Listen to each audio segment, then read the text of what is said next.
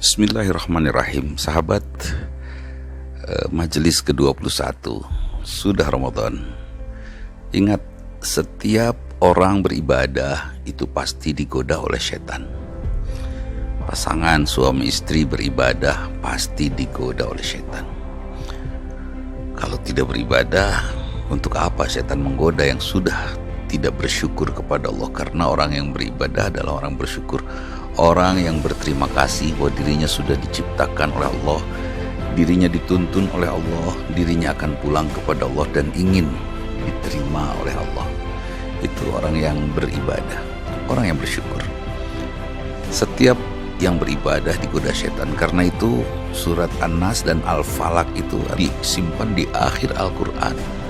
Setelah semua orang faham Quran, hafal Quran, membaca Quran, bahkan akhlaknya, perilakunya sudah sesuai dengan apa yang diminta oleh Allah dalam Al-Quran, tidak mustahil setan menggoda kita karena itu berlindunglah kepada Allah. Terus menerus dari godaan setan lanatullah. Ramadan, saatnya kita saum 24 jam. Setiap hari selama satu bulan, kita beribadah dan sepanjang itu setiap detik kita digoda oleh setan laknatullah. Godaan yang paling dekat kemalasan. Godaan yang cukup luar biasa lagi ketidakbermanfaatan kita di sepanjang kita beribadah. Duduk kita harus bermanfaat. Tidur kita harus bermanfaat, ngobrol kita harus bermanfaat.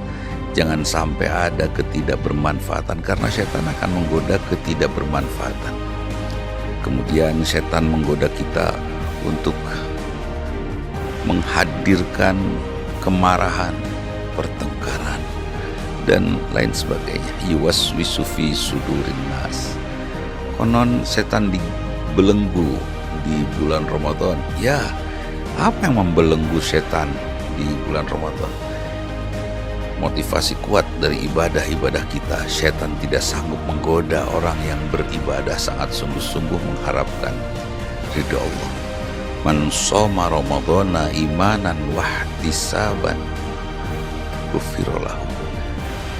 Barang siapa saum dengan penuh iman, penuh rasa percaya kepada Allah, penuh harapan kepada Allah, dan semuanya eh disaban, semua perbuatannya diperhitungkan untuk mendapatkan pahala dari Allah, Setan tidak sanggup menggoda yang seperti itu. Setan mati langkah di bulan Ramadan ini. Tidak mampu lagi menggoda orang-orang yang sedang beribadah. Mudah-mudahan kita termasuk orang yang beribadah yang membuat setan tidak sanggup menggoda kita. Jangan sedikit pun kita buka pintu godaan setan dalam ibadah kita. Apalagi sekarang di tengah PSBB, ibadah santai di bulan Ramadan kita sudah tidak berharap ada THR, kita tidak berharap ada baju baru, karena kita juga tidak berharap ada saling berkunjung di bulan Syawal atau saat Idul Fitri. Kita coba untuk bersabar memutus mata rantai senjata eh, virus yang bisa saja menghancurkan kemanusiaan atau menghancurkan manusianya. Jangan jangan dianggap enteng. Italia saja hancur, Jerman saja luluh lantak, Amerika saja tidak berkutik. Kenapa kita anggap enteng virus ini? Mungkin tidak mematikan, tapi cukup mengganggu, mengganggu banyak hal, termasuk mengganggu keimanan kita. Kita tidak perlu takut, ya kita tidak takut tapi kita harus hentikan virus ini jangan sampai kalau ini tidak berhenti mungkin virus ini beristirahat sebentar bersembunyi suatu saat beberapa tahun. Nanti anak cucu kita yang akan kena. Kalau tidak kita berhentikan mata rantainya. Tidak kita putus. Kehidupan anak cucu kita belum tentu setangguh kita saat ini dalam beragama atau mungkin lebih tangguh Allah walam tapi yang jelas waspadai godaan setan 24 jam penuh menggoda kita setiap hari seumur hidup kita. Berlindung terus kepada Allah. Kita laksanakan saum, saum kita pasti digoda oleh setan. Waspada itu.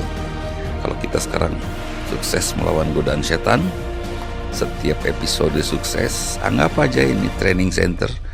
kita sedang training untuk melawan godaan setan sehingga pada saat akhir hayat nanti saat setan menggoda kita di ujung hidup kita pada saat kita menghadapi syakaratul maut kita akan menjadi pemenang kita tidak akan menjadi orang yang dimurtadkan oleh setan di detik terakhir sebelum nyawa kita dicabut. Kita berlindung terus kepada Allah Subhanahu wa taala. Itu saja episode ke-21 Dudi Mutakin. Aku qouli hadza wa Assalamualaikum warahmatullahi wabarakatuh